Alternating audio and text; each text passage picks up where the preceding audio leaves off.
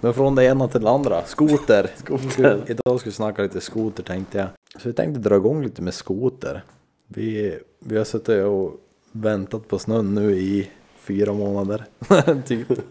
Stoppar det ens. Det är skönt att hinna vila upp sig och ladda inför en ny säsong. Så att på så sätt är det skönt. Men sen så nu, alltså jag känner att säsongen hade kunnat dra igång nu. Alltså att man får den där säsongen. Men eh, man hinner med och köra. Och det kände att jag hann med i vinter. Jag hann med att köra så pass mycket så att jag vart nöjd helt enkelt. Brukar du gasa av det? Hyfsat. Standard. Det är fullt. Det är Du kör, du kör 137 va? Jajamän. Så det är Lynx. full gas överallt. Extrem. Annars sitter man fast. Kunglängd. Bara farta överallt. Hålla tempot uppe. Det är som att åka en lång fast snabbare. Ja, exakt. perfekt. Och så har man inte så, alltså du kan inte ångra det i, liksom, du måste ställa in det på, dit ska jag. Och så måste jag ta fart. Ja. nu. Hålla upp liksom.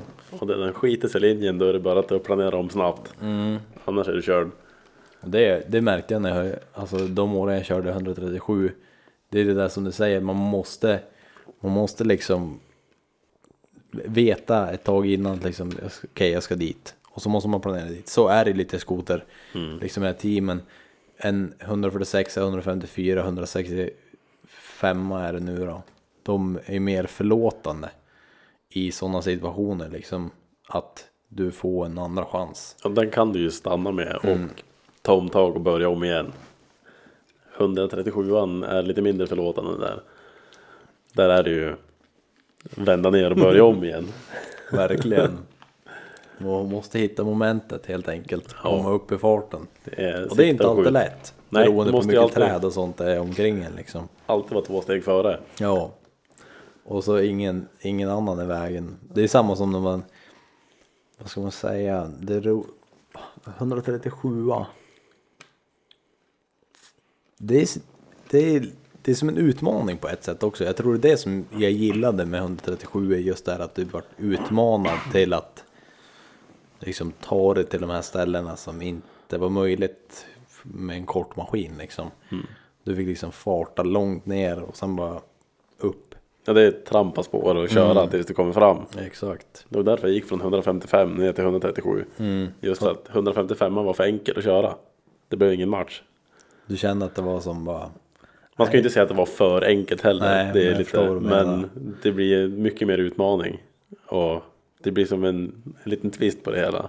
ja det blir ju det. Och sen just det framförallt, alltså det jag kände med, alltså, turn, alltså när du vände över och for tillbaka, alltså Mm. vändningar och, och hopovers och sånt var väldigt enkelt med sånt där. Mm. Alltså de är så små och de är som en liten BMX typ. Ja, det är ju kortaste laget som Ja. finns. Det är skotercross-skotern är ju 137 tum. Så det är, Och sen är de ju perfekt, du kan ju och hoppa, du kan köra alltså, på leder och pucklade eh, skoterleder liksom utan problem. Alltså de där fjädringarna sväljer ju allting, du kan ju fara hur som helst. Och det var faktiskt, apropå det så var det en som frågade om, eh, ville att vi skulle prata lite om T-motion. Eh, han frågade, ska vi se.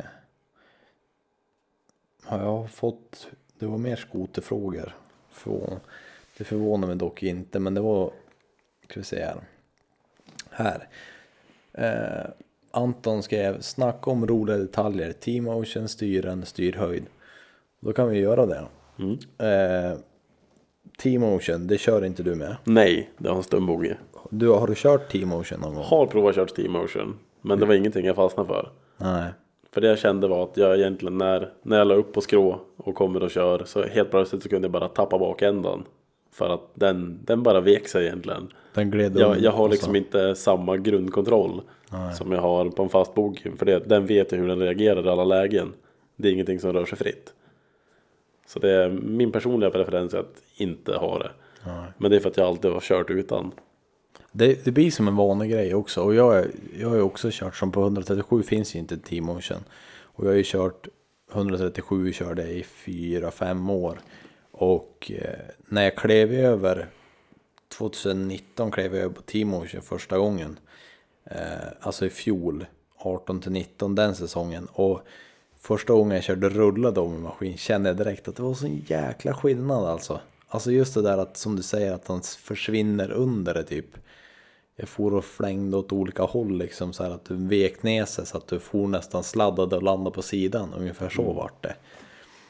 Um, det, var, det var det första jag märkte när man körde rulle och sånt där. Men sen i skogen och sånt så jag ser det också som ett, alltså det är som ett verktyg och det kan vara ett verktyg som man föredrar eller inte föredrar. Det fungerar på olika sätt vad man, vad man vill ha för någonting men jag ser en funktion i det. Men det är inte för alla. Det är det definitivt inte.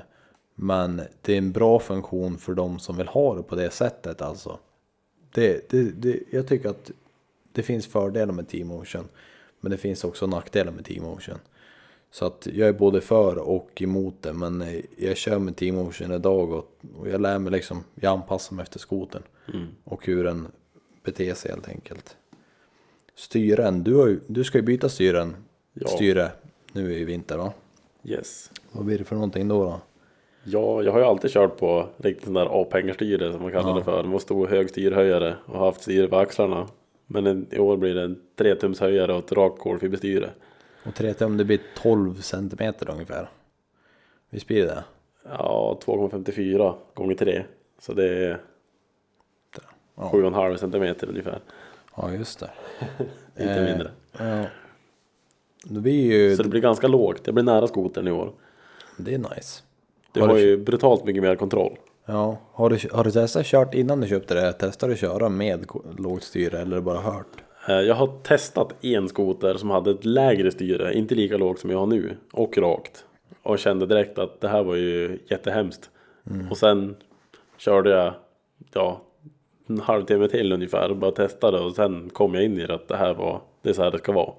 En vanlig grej liksom. Ja, det... för när man är som van att ha styre vid axlarna jämt och bara kör mm. då är det ju, men man inser att man har inte lika kontroll där det blir, du hamnar så långt ifrån.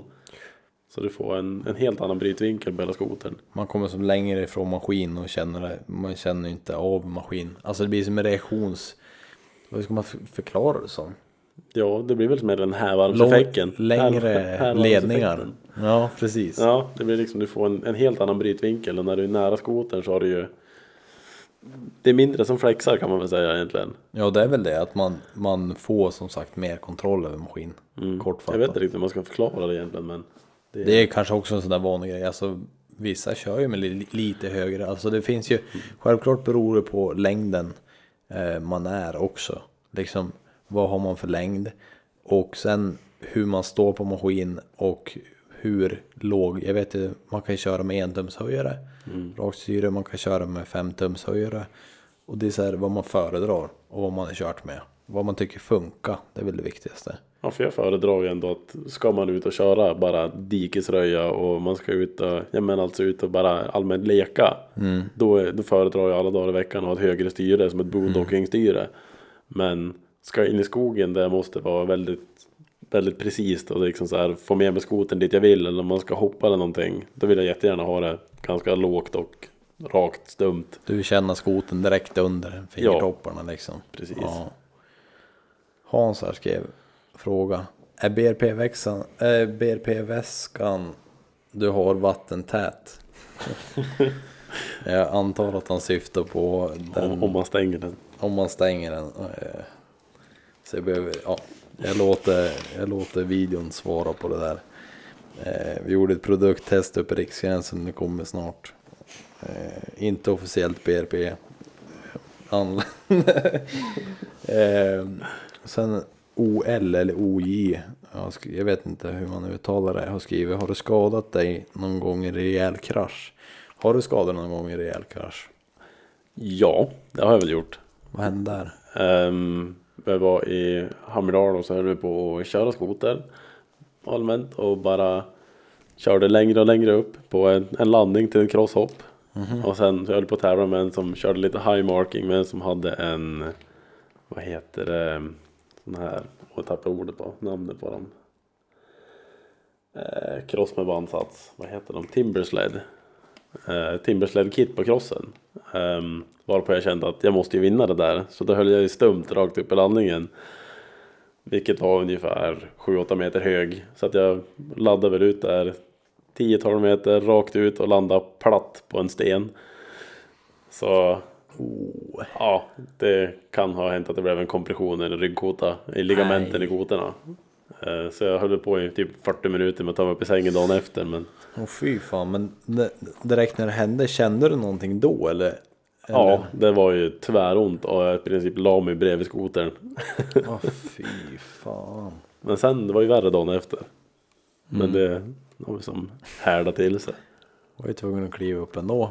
Jag var ju tvungen att ta mig hem. Fryste ihjäl med det jag går där.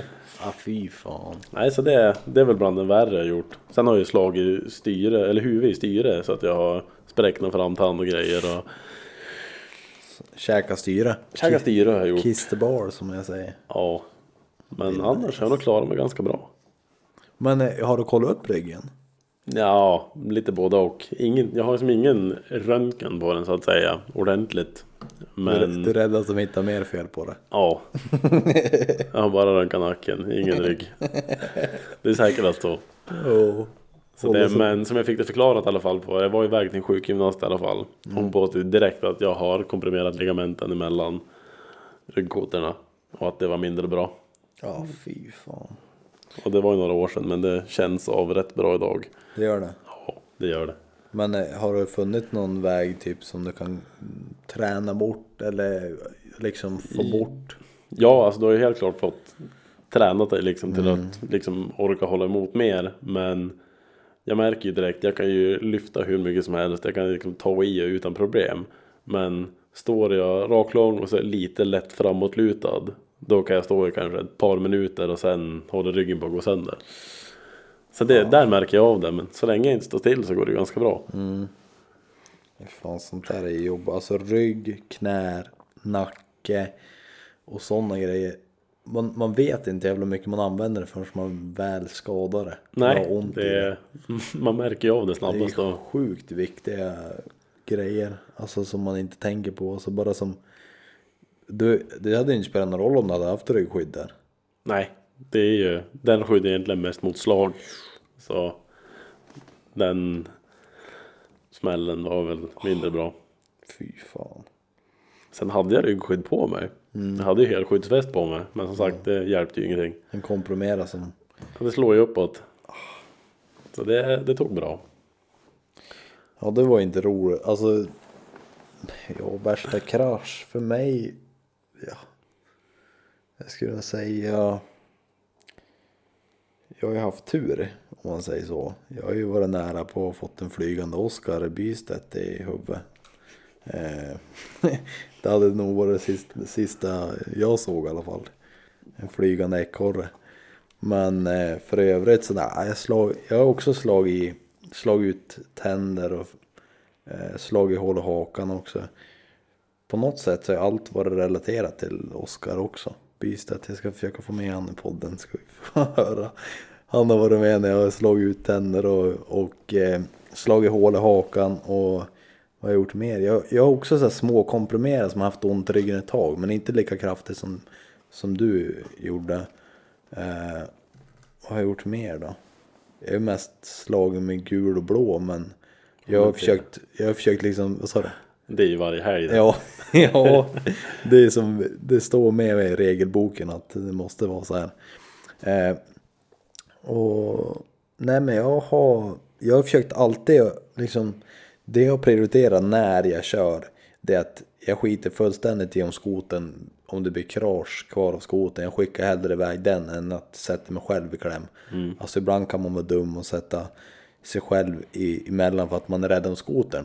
Och det vägrar jag att göra utan då får skoten ta smällen och sen ja, låta den dämpa trycket och sen men alltså jag är ju jag, jag är tacksam för att jag klarar mig så pass bra som jag gjort ändå. Peppar peppar. Ja. Jag tycker inte om att säga det där. Alltså just när man säger det sådär så då sätter man sig redan i knipa. Se om det var något mer. Två här. Vad tycker ni om Articat och deras monorail? Jävligt roligt att lyssna på podcasten din. Tack så mycket Viktor. Vad tycker du om Articat? Ja, Hummus. Alltså jag, generellt Arctic Cat har jag inga problem med. Men jag har, ju som- jag har inte testat monorailen än. Jag har bara sett folk köra med den. Men har du kört Arctic Cat? Arctic Cat har jag kört. Ja. Men Det, de som du har sett som har kört med monorailen då? mm. Vad, vad har de sagt? För jag kan tänka mig att det blir en annorlunda skoter på ett sätt också. Lite som T-motion. Oj. Mm. Ja, de, de påstår ju liksom att ja, men ungefär som T-motion. Det är verkligen en sån här som är. Det är verkligen eget just för den skotern. Det är, du har ett helt annat fäste. När du liksom ligger och skråar och kör. Och liksom det är, nej, jag har bara hört bra om det. Det enda jag sett som är negativt är att det är många som har slagit av de där railsen i framändan. Men det har de ju i alla fall. Nu har de ju tillverkat förstärkningar åt det. Men det var ju ett tidigt problem med dem. Var det inte då det var så lång väntetid då? Typ Jo. in till sommaren. Då var det ju hur lång väntetid som helst. Det fanns ju inga grejer. Och då blev det ju ståendes. Nej, Mm. men å andra sidan, du kan ju slå sönder vilken bogie som helst. Så är det ju. Ja, men, så man vet ju inte herregud. hur de personerna har kört. Nej. Eller vad de har kört på. Nej men alltså själva det roligaste och det här har jag sagt flera gånger när folk har frågat mig liksom vad jag tycker om monoraiden. Jag tycker att det är otroligt roligt att branschen testar någonting nytt. Alltså skotern har ju sett ut på ett visst sätt och den har ju utvecklats otroligt mycket de senaste 10-15 åren. Även de senaste fem åren har det hänt mycket. Men alltså jag tycker ju att det är roligt att de testar någonting annorlunda, något som sticker ut och liksom att man testar sig framåt och att det finns som ingenting som är skit för att allting leder till någonting annat sen. Så att jag tycker det är ingenting jag föredrar. Eh, jag, jag håller mig till de skotrarna som jag känner mig trygg på. Men jag tycker det är roligt att det är roligt för branschen att de har fått eh, sett någonting nytt helt enkelt. Och jag hoppas att det kan inspirera andra märken till att våga sticka ut och testa liksom någonting annat. Det är vad jag har att säga om monorailen i alla fall. Ska vi se. Erik skriver. Uh, för stora planer för vintern? Köra skoter. Köra skoter och filma och fotografera helt enkelt som det vanliga. Vi har ju, vi har stora, vad ska man säga? Alltså vi, det här är ju det vi brinner för och vi vill göra vårt bästa och, och försöka få till en så, så rolig vinter som möjligt och alltid försöka steppa upp från året innan. Och självklart kommer det vara mycket nytt som kommer i år och liksom jag kan inte säga nu exakt vad det kommer vara för någonting eller så men vi siktar helt enkelt på att göra vårt bästa. Och, och liksom jag vill bara hänga med kompisar och ha kul. Det är liksom mina planer. Och om jag kan göra det och lyckas, jag inte vet jag. Trycka ut bra content samtidigt. Exakt, Få då, ut bra material på både foto och video. exakt. Då, då gör man ju det. Alltså Och man, förmedla just det vi gör. Mm. Och varför vi gör det. Precis. Och det är, det är dels för skoterbranschen eh, som, som en familj och även liksom till de som aldrig har sett en skoter ens. För, för att uttrycka, stå och uttrycka liksom vad skoter står för och varför vi gör det vi gör som du sa liksom. Det är väl planen för vintern. För det är väl egentligen vanligaste jag får när det är någon söderifrån som frågar. Då är det ju också så här, men alltså det är liksom 25 minus, vad fan gör du mitt ute på fjället? Det är det fryser ju ihjäl. Men det är så att det, det går inte att hålla sig ifrån heller. Nej. Det Det är är ju- obeskrivligt. Det är, alltså, Ja. När folk frågar liksom skoteråkning, varför kör du skoter? Alltså typ en sån fråga. Ja, varför inte? Det är blir som att liksom fråga det- varför andas du? Ja, det, är liksom, ja det är, det, det blir lite sådär, man bara, det går inte att beskriva med ord, men eh, jag tycker att det är kul. ja. Ja, är det inte dyrt? Eh, Ja, alltså det går ju åt plastdelar och liksom Ska jag vara ärlig så man tycker att det är så kul så man tänker nog inte så mycket på vad, hur mycket pengar man lägger ut på det. För jag lägger hellre ut pengar på sånt som jag verkligen brinner för och tycker är kul än att lägga ut det på sånt som jag inte behöver. Alltså sånt som, som är kul för stunden. Alltså sån här som ut och festa eller alkohol. Utan jag, jag lägger det på sånt som jag... Jag lägger hellre eh, pengar på bränsle än alkohol. Jag lägger hellre eh, pengar på skotergrejer istället för att köpa, inte vet jag, alltså flashiga skor och kläder. Jag vet inte hur man ska för- förklara det men alltså vi har olika prioriteringar i livet och mina högsta prioriteringar eh, när det kommer till kostnader och sånt. Jag prioriterar skoter och, och filmningen. Mm. Alltså väldigt, väldigt högt där. Just för att det är någonting jag brinner för och det blir en annan grej när man lägger pengar på någonting som får en att ticka lite grann. Det blir som bränsle för livet på något sätt. Ja, det ger någonting att göra. Det, ja, exakt. Det- För just det där, när du säger att du väljer hellre det än att lägga det på dyra kläder eller alkohol eller någonting. Det är ju någonting jag har gjort ända sedan jag gick i gymnasiet egentligen. Utan det har ju varit varenda helg, varenda kväll så har jag liksom varit i garaget och skruvat med vad jag än har liksom. Det blir liksom som en livsstil på ett lagt sätt. tiden och allting på det. Och det är, så är det än idag liksom. Det är all tid och all, alltså jag, ja men sover, andas och äter skoter året om liksom. Det spelar ingen roll. Även om det är mitt i sommaren så är det skotern som gäller. Den släpper liksom aldrig. Nej. Och det är ju det är, det är ett stort tecken på att det är någonting man verkligen, verkligen brinner för också. Och när man hittar den norrstjärnan liksom och kan följa det. Man vet inte vart det leder liksom. Ja men kan man leva på skoter? Jag vet inte. Det återstår att se liksom.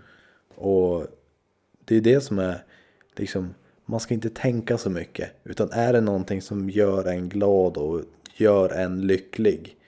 Så är det ju det man ska följa. Oavsett vilka hinder och sånt som försöker stoppa en så. Det är det det man ska följa helt enkelt. Här. Eh, Arvid undrar, vilken skoter är en bra nybörjarskoter? Vad skulle du säga Hannes? Ja, det beror ju som sagt helt på en prisklass. Det är liksom det och vilken ålder du är i också i och för sig. För det är till exempel jag själv började min skoterkarriär på en aktiv Teddy som väger 350 kilo och jag vägde 50. Det är så här, det, det gick att lära sig köra på den också. Det är inte så mycket man kan rubba där med den vikten. Nej, det, är- det Men gick rakt, den gick rakt fram. Och det, men, det är en bra nybörjarskoter. Den är, Ja, alltså, det, det är som svårt att säga ja, jo, det håller jag verkligen med om.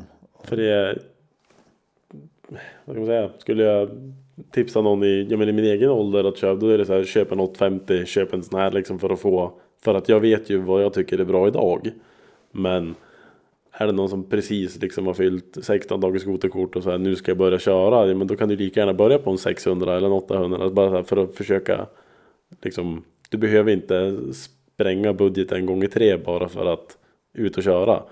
För det viktiga är egentligen inte vad du kör, det viktiga är att du är ute och kör. Ja. För det, det, liksom, det är det som ger. Du menar att träning ger färdighet? Ja, för, för mig var det lite så här om jag körde en aktiv TED eller om jag körde en Polaris RMK 800. Det spelar ingen roll, det var bara att jag var ute och åkte skoter. Men Du det, det, det är jag, jag lärde mig lika mycket på vilket som. Alltså vilken jag än körde. Du lärde dig av att använda det du hade till, till bästa, alltså så, så bra du bara kunde. Och det är vad jag brukar säga oftast liksom, det har ju mycket med föraren att göra också. Du skulle kunna ha en sprillans ny skoter men ändå inte kunna köra skoter. Alltså du kan inte tro att när du köper en ny skoter så kör du som de som du ser kör en sån skoter. Det funkar inte riktigt så. Det är som att tro att du kan spela gitarr på samma sätt som Slash för att du köper en likadan gitarr som han. Alltså det går ju som inte.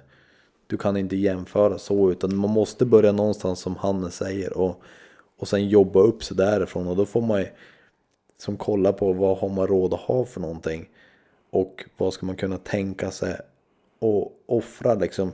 Känner man att man vill ha en nyare skoter, ja, men kan jag jobba? Kan jag göra någonting för att ha råd liksom? Om det är någonting du verkligen brinner för så skulle jag rekommendera det. För samtidigt vill man ju inte köpa en skoter som man måste byta motor på efter, för att den skär efter 3-4 mil liksom. Det vill man Nej. inte heller göra. Och sen vill man ju inte heller köpa nyaste 850 som finns av Nej. diverse märke och inte ha råd att köra. Nej, Istället för att du kunde kunna köpt kanske en, en, en, Skido XP eller någonting och haft råd att köra. Det ger ju mer att vara ute och köra för det är ju ingen poäng att ha en skoter som du inte har råd att köra. nej. Så det, allting sitter inte i material heller utan det är Det är Nej, det är svårt att Svårt att säga en skoter som bra nybörjarskoter. Men om du skulle, om du skulle nämna, vi säger en, om du nämner en prisklass. i runt, jag, vad ligger de i? 10-15 tusen brukar de lägsta skotrarna ligga i, de här 340 mm. dem. Och sen en skoter vid närmare 50. Alltså där omkring är ju som nybörjare, tycker jag. Nybörjarklassen liksom.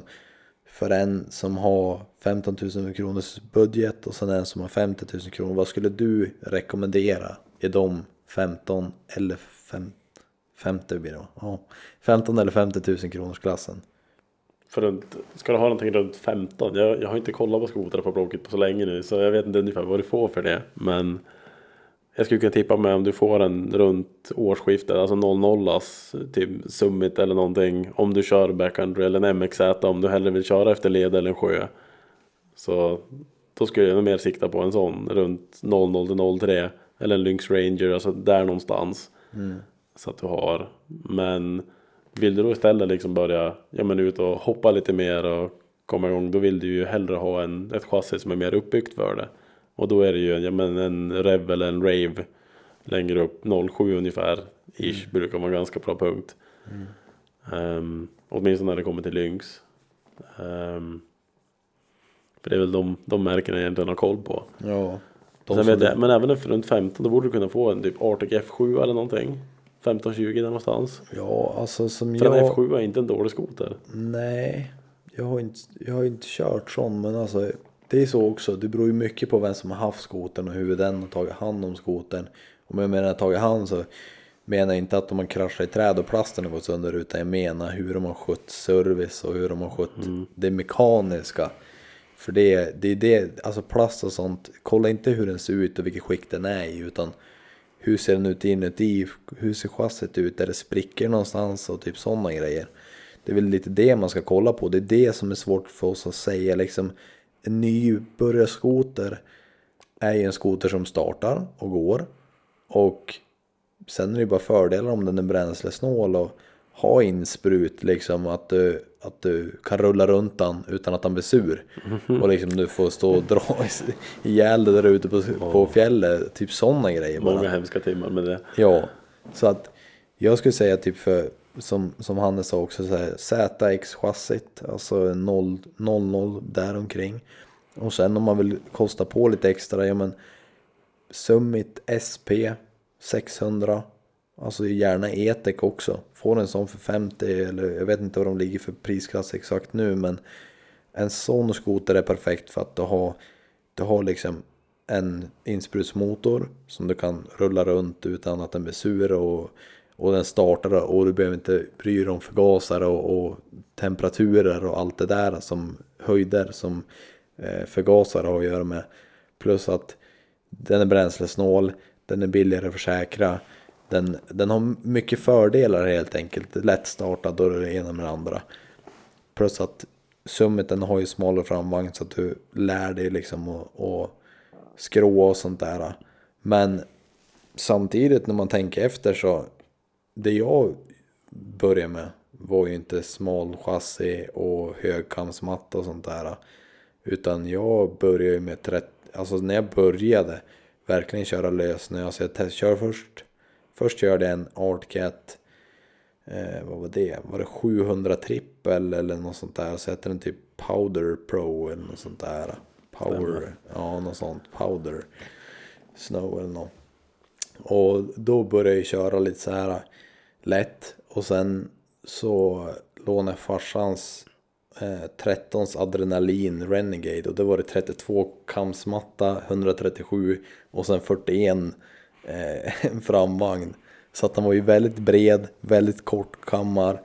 Och så, det var ju där man lärde sig liksom det här med moment, hålla upp moment och när du kör fast och hur du tar det lös. Så att jag, jag skulle egentligen tipsa om att köpa en skoter som inte tar sig fram lika bra. Alltså som är svårare mm. att tippa omkull. Alltså, en kort beredd skoter egentligen. Ja, ja en, en balans helt enkelt så att man får jobba upp sig. Och, och för när skoten gör det svårare för dig så blir du bättre förare. Mm. Det är liksom mitt tips. När jag så, tänker så efter. gick ju egentligen jag tillväga också. För sen efter, efter när jag väl fick mitt första jobb liksom, så att jag kunde jobba ihop och köpa mina första riktiga skotrar. Då var det ju en Rev jag köpte, det första jag mm. gjorde. Och den var ju full med det. Och nästa så köpte jag en, en Lynx RE och den var ju också full med det. Och det är, så här, det är 42 tum i framvagn och 121 tum lång. Och sen efter det också så var det ju, då köpte jag min första lösningsmaskin, men det var ju en Asult. Och den var 155 lång, men 42 framvagn. Oh. Och den åkte jag också runt med som ingenting. Och sen efter det har jag haft massa IQR och grejer och sådär. Och alla 42 tums framvagn. Så nu är liksom första året, jag tycker att jag åker smalt och då åker jag 39. Vad, har, vad, har du för, vad har du haft för skoter och vad har du för skoter? Jag har ju haft som sagt, ja men en aktiv Teddy, en Ride R46. Sen har jag haft, vad heter det, en Skido Rev. Jag har haft en Lynx RE 600, 07. Sen har jag haft, vad heter det, haft tre stycken IQR. Jaha. En 10 en 12 en 13. Hur är de att äga då? De är intensivt serviceschema. Mm. Det är det. Men när de väl går så går de ju som ja, ingenting annat. De Ingen är, annan 600 som klår en sån liksom? Nej, när jag, för jag hade ju Sulten då, som jag hade sen då samtidigt som IQR'n. Mm. Och stod du på sjön och tryckte fullt samtidigt med när en kompis körde bredvid då du drog ifrån dem helt enkelt. Med. IQR'n. Och det är bara en 600. Mm. Så det är, nej de går ruskigt bra. Jag har aldrig ägt en sån men det jag har hört är eh, de, de är väldigt vassa och väldigt stryktåliga. De tål typ allt. Ja, du det är kan kasta runt mycket dem. till innan du förstör dem. Ja. Och nackdelarna är att de drar mycket bränsle och eh, det där som du säger, liksom service, hålla igång dem. Det Mm. kräver mycket liksom mekanisk kunskap. Ja. Det är också någonting jag skulle kunna, rek- alltså det rekommenderar alla som börjar köra skoter. Lär er vad ni har under er, alltså vad är det ni kör för någonting och hur fungerar det? Även om det kan verka svårt så prata med någon som vet, det är inte så svårt som man tror. Alltså lära sig hur skoten fungerar för att det sparar både pengar och du har kunskapen när det går sönder ute på fjällen och sånt där så vet du oftast vad det kan bero på eller vad det är för någonting. Då skulle man ha lämnat in skoten för allting som har hänt i sina dagar Ja. då, då har man ju varit ekonomiskt underlägsen än idag. Det ju, det har ju gått åt helsike. Så det, Ja, nej, men som sagt, så idag då så kör jag ju en 137 då, en Lynx Extreme RE, en 18 gick det från IQRN då? Alltså, Ja, jag hade två stycken IQR. Ja, Um, för, eller först hade jag ju en IQR, sen köpte jag Sulten och sen hade jag, råkade, jag, jag köpte en IQ och sen råkade jag köpa en till IQR så att jag hade två. råkar man köpa en skoter sådär då? Ja, det var sommar, det var bra pris och jag hade en släpvagn när jag for.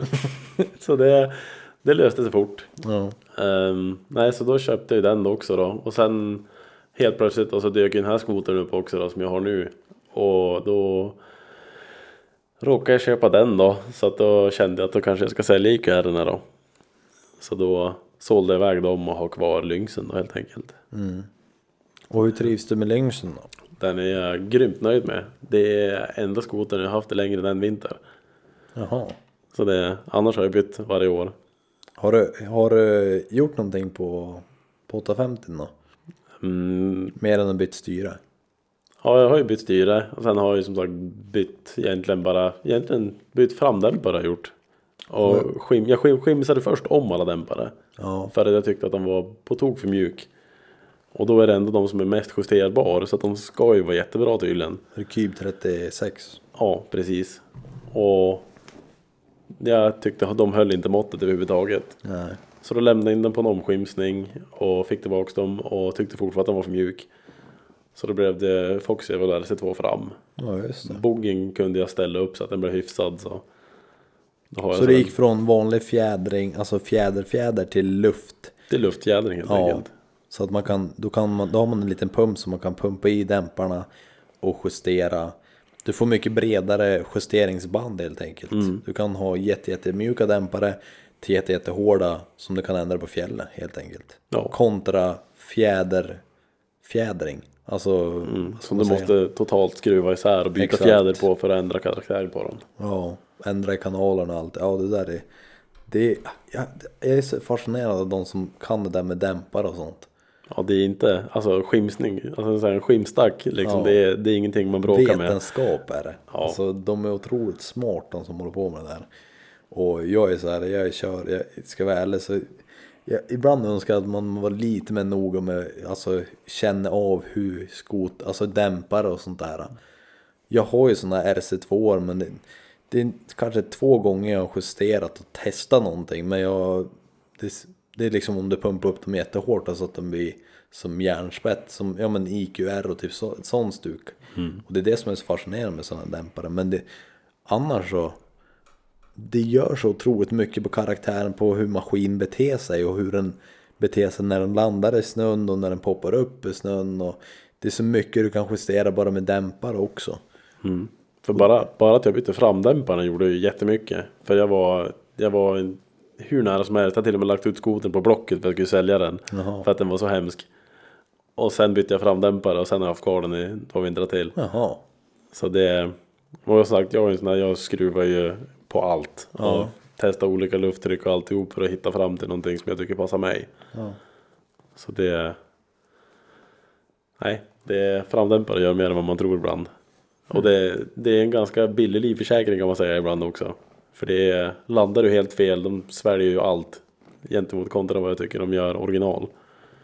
ja, det är sant. Så Alltså, det kan vara väldigt stor uppgradering. Beroende på vad du har original också. Plus att de, liksom när du kör på leden och sånt där också, hur maskinen beter sig till gupp och sånt också kan vara, som du säger, en livförsäkring. Alltså hur, Mm. Hur den reagerar när det kommer i hög fart på ett gupp, Ja, till exempel. Jag får ju aldrig en oplanerad retur med de här dämparna. Nej. Utan det är, jag kan, ja, ju fortare jag kör ju mer tar de bara. Jag kan köra, det är bara huvudet som sätter stopp på mig där. Jag kan köra hur fort som helst. Livsfarligt. Ja, ja. ja det är livsfarliga, livsfarliga grejer. Vad, eh, vad tror du om skoters framtid då? Vad, tror vad tror du kommer hända? Och hur kommer det se ut i skoterbranschen om 5-10 år? Jävligt bra fråga. Det är... Tänker, tänker du mer så här vart branschen är eller vart regleringsområden och så vidare eller vad? Det är typ så här vad du, vad du, typ hur, hur du vill se. Jag övertänker ju allting just nu. Ja, men alltså typ tänk dig så här. Jag tänker så här typ skotervärlden om fem, tio år. Eh, kan vara lite mer begränsat. Men det vill man inte nämna. Men alltså just det här att man, det kanske finns, inte vet jag, alltså tävlingar eller det är mer populärt kanske. Alltså att det är fler folk som kör snöskoter. Det är någonting vi kan ta upp liksom. Tror du att det kommer vara mer som kör snöskoter i framtiden? Jag hoppas det. Ja. Jag hoppas verkligen att fler vill köra skoter. Men det är ju... Det är svårt det där också, vi behöver inte ta den frågan men alltså Man kan ju inte tvinga någon att köra heller. skoter, det kan vi prata om. Vad, vad tror du kommer hända? Alltså vad, skoter, vad kommer det det? Fem år framåt, vad kommer hända där? Skoter. Själva skotrarna liksom. Vad, vad tror du kommer hända om fem år med skotrar? Utvecklingen av skoter. Om du kollar bak fem år till nu. Ja, kollar jag bak fem år och till nu så ser man ju redan nu att de här produkterna du köper på eftermarknad nu sitter redan på skotrarna. Och jag tror att det kommer att utveckla sig mer åt det också. Så att du kommer att köpa en mer och mer komplett maskin för varenda år som går. Så till slut så kommer du inte ens ha någon anledning att köpa extra grejer. Nej. Fast man kommer göra det ändå. Ja det är stylingsgrejer typ. Alltså, Ja, för alltså det är som sagt nu kommer de i turbo i år. ja. Och det är som sagt, det sitter ju på luftdämpare, på, kolla på en Arctic till exempel. De har ju Fox-dämpare runt om. De har ju inte exakt samma justeringsmål som om du köper eftermarknad. Men det, Kanske som, kommer dit. det kanske kommer dit. Ja. Så jag... Nej, och sen verkar de ju kliva upp i kubik konstant. Så det verkar bli värre och värre, men det måste ju nå ett tak där också till slut. Ja, alltså jag tycker att de ska... Det är ju, nu allt det mekaniskt, men alltså just att få ner vikten på en skoter. Mm. Hur tror du att du skulle köra med en skoter som väger 150 kilo till exempel? Ja, jag som har en 42 tums framvagn och tung skoter skulle nog fan välta på leden om jag körde en 150 kilo skoter. Men nej, jag tror, jag tror inte det skulle vara någonting positivt.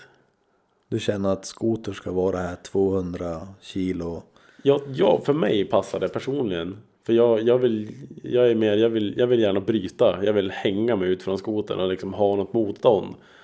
Jag vill liksom inte känna att om jag kliver hit, ungefär som att sätta sig på en vattenskoter, Ja. kliver på vänster sida då välter vi. Det, nej, det tycker jag inte om. Du vill ha det där robusta. Ja, jag vill helst ha 42 tums framvagn. Ja, du vill ha det där lite bredare, lite stridsvagnaktiga. Ja, du ska, du ska kämpa lite mer när du kör. Det ska inte sköta sig själv.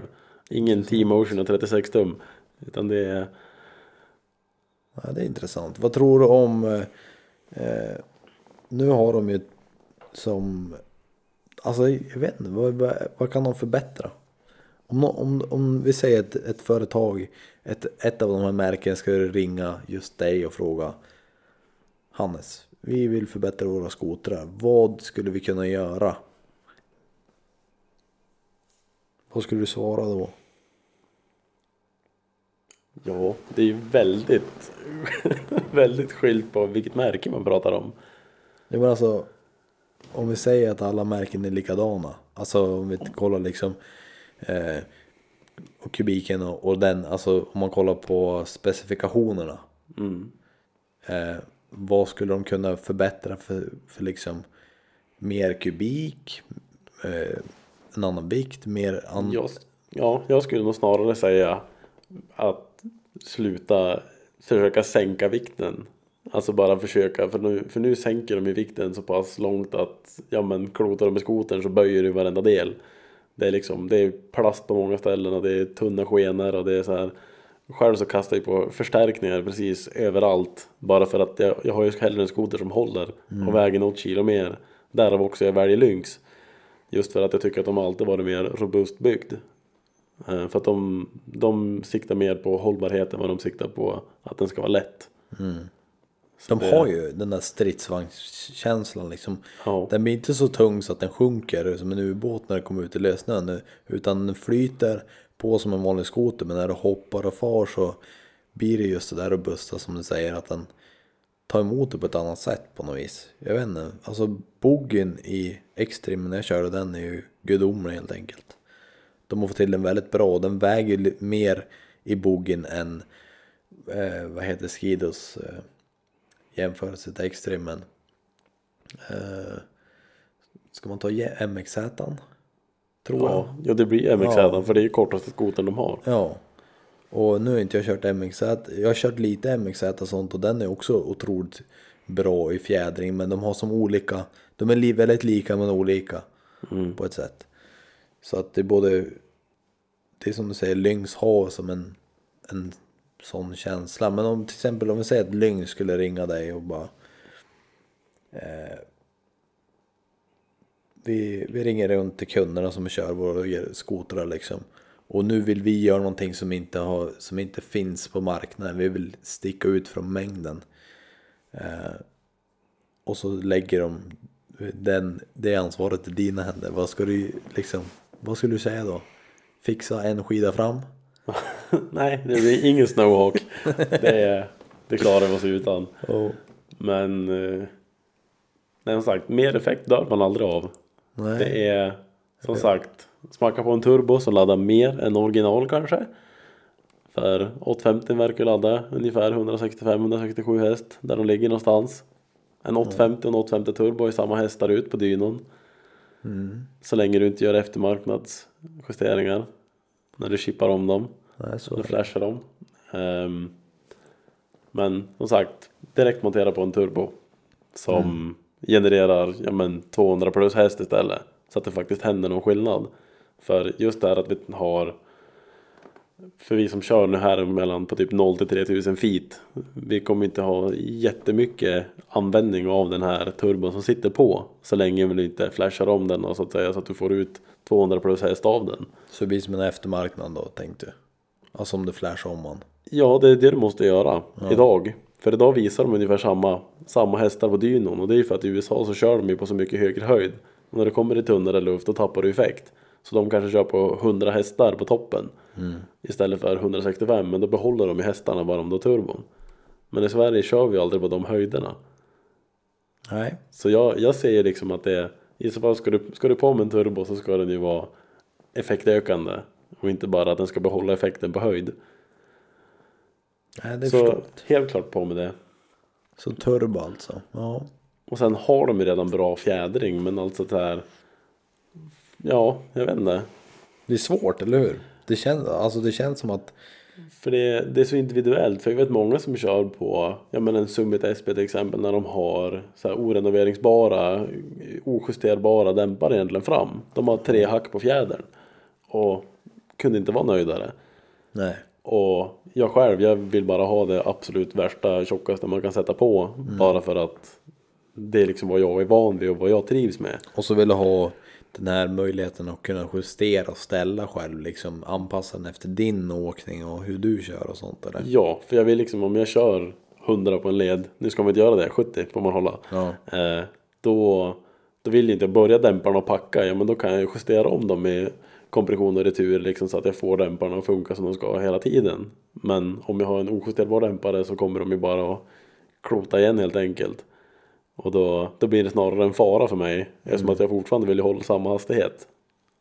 Tror du att det kommer komma en dämpare som du kan justera uppifrån där du kör? Det kan du redan, det finns redan. Alltså? Fox har ju släppt IQS heter de. Jaha. Eh, och då har du ju, jag tror det är tre justerbara lägen. Som både har bogey och framdämpare. Och då har du ju, ja men en, en du monterar egentligen en tryckknapp egentligen på styret där du kan ha lockfunktion eller på medium och mjuk liksom så du kan liksom justera in dem. De är elektroniskt justerbara Okej. från styret. Fan vad häftigt. Jättedyrt men skitfränt. Snabba grejer. Så det finns. Men någonting jag tror mer på det är om du ska, alltså det finns ju, jag har sett i alla fall några som tillverkar med magneter i dämparna. Istället för att du kör med olja så kör du med magnet. Jaha. Hmm. Var, varför vill man köra med magnet i dämparna? Fränt.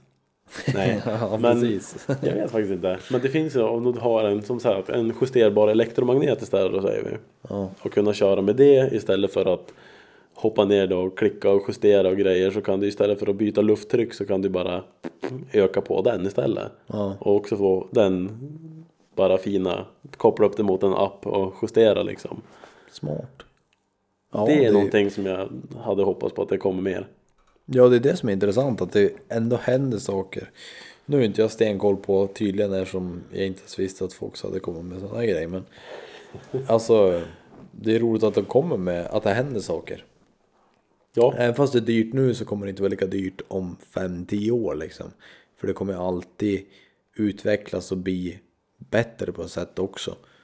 Och det är det som är roligt att se. Det är spännande att se liksom vad som komma skall. För att kollar man tillbaka på skoterbranschen och dess utveckling från början av 2000 så kör den skoter från 2000 och kliver på en ny så är det två helt olika saker helt enkelt. Alltså det blir som helt olika Dels Alltså två helt olika skotrar Och jag vet inte hur man ska förklara det på något annat sätt Alltså det är Otroligt mycket som har hänt Och bara körstilen som har blivit på de senaste 20 åren Har Det har förändrat en hel del och Det roliga är att det har kommit in så mycket mer Både tjejer och killar i i, i den här branschen. Och det är det som är svinkul. Alltså det är minst lika många tjejer som börjar köra skoter.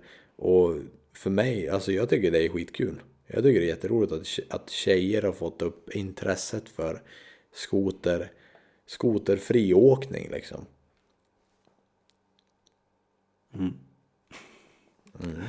Ja, men det är kul liksom att det blir, jag menar alltså, ju fler det är som är ute och kör desto bättre är det ju. För det är liksom, det är ju lika mycket gemenskapen Ja, som att själva körningen så att säga. Men det är just det att man kan hänga som polare hemma som man kan hänga upp i fjälls. Alltså, man kan ha den där gemenskapen som du pratar om. Fast man är uppe i fjälls. Man är mitt ute i skogen ingenstans och man skrattar åt någon och kört fast och typ. Det är det som är kul. Alltså att man om vi kör fast, fine. Man skrattar och har kul och hjälper varandra och tar sig lös liksom. Och sådana grejer. Men det blir inte samma sak här. Vad, vad, alltså, det, det blir så... Det, det är som en speciell sport på ett vis. jag ser det som en sport för att du kräver, alltså det kräver en viss uthållighet från dig själv också. Dels att du har kondition, för att det är mycket jobbigare än vad man tror när man ska köra lösning och klättra och sånt där. Och sen att du har styrkan och, och kasta runt och tekniken att hantera maskinen också. Det är liksom, det är en fin balans mellan styrka, teknik och reaktion, alltså hur du reagerar. Och mental styrka. Att Ja, inte mental ja. Framförallt mental, för det är det som styr hela, liksom hur länge du pallar hålla på med det. För det är kallt, eh, det blir jättefort varmt. Alltså det kan vara 25 minus ute och du håller på att svettas ihjäl och så fort du tar av det så fryser du för att du svettas. Alltså det, det är så... Skotrarna lever ett hårt liv helt enkelt. Dels för att de... Dels för att de... eh, Det var här- de här som dog. Så att det var what. eh, nej men alltså det kan vara här 20 minus ute och sen kör du skotern och den blir jättevarm och sen blir den jättekall. Alltså det blir mycket sådär en skoter. Och plasten när det är jättekallt och typ sådana grejer. Men jag tycker att det är så roligt att jag, jag börjar ta det mer och mer allvarligt på just det där att det är en sport på ett sätt. Träna, håll igång, håll kondition, bygger upp mer kondition och styrka just för att kunna hantera maskinen på ett bättre sätt och klara av det på det, på det sättet man vill helt enkelt. Man får ju ett bra driv egentligen året om också just det där att man, man tränar under sommaren liksom för att kunna hålla igång och nu ska vi köra skoter liksom. För man kommer ihåg hur tungt det var Ja. året innan när man stod där och flåsade och lyfte skoter. Exakt. Femte fastkörningen på 20 meter. Speciellt den där första fastkörningen. Ja, Den man bara, vad fan hände i sommar? Nej jag skojar. man får ju lida för det i vinter. Ja, Så är det ju. men alltså sådär är alltså man tycker att det är kul och det är det som får en att göra alltså det. Man är inte tvingad och den absolut bästa känslan man får av skoteråkning är den där mentala friheten. Alltså det är den, det är den man betalar de, alla de här pengarna och tiden som man lägger ner på och skapa det man gör för att kunna vara på de där ställena då, den tiden. Det är som, finns inget pris på det. Alltså det är obeskrivet hur mycket det betyder. För mig antar jag att det betyder mycket för dig också. Verkligen. just det där att komma ut. Ja men det är just den där friheten och sen är det så där att det är aldrig någonsin så, så lugnt i mitt huvud som när jag är ute och kör skoter. För jag tänker inte på någonting annat. Nej. Utan det är bara skoter. Det är bara liksom att vart ska jag åka? Nu ska jag köra upp här. Mm. Och all fokus ligger på det och det bara känns bra. Allt blir som en lekplats också.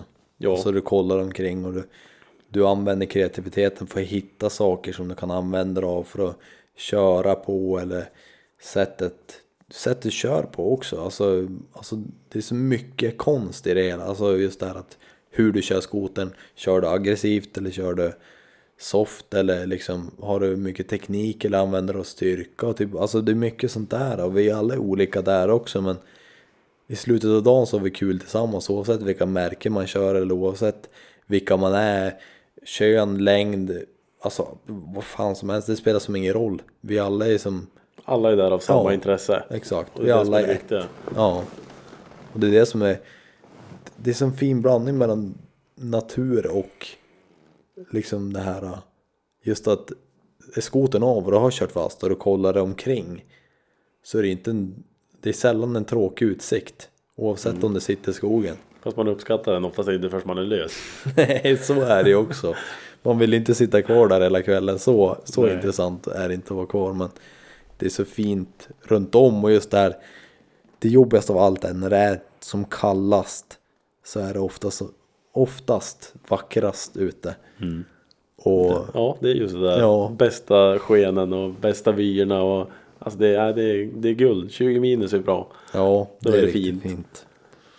Nej, för fan nu längtar man mycket till det här.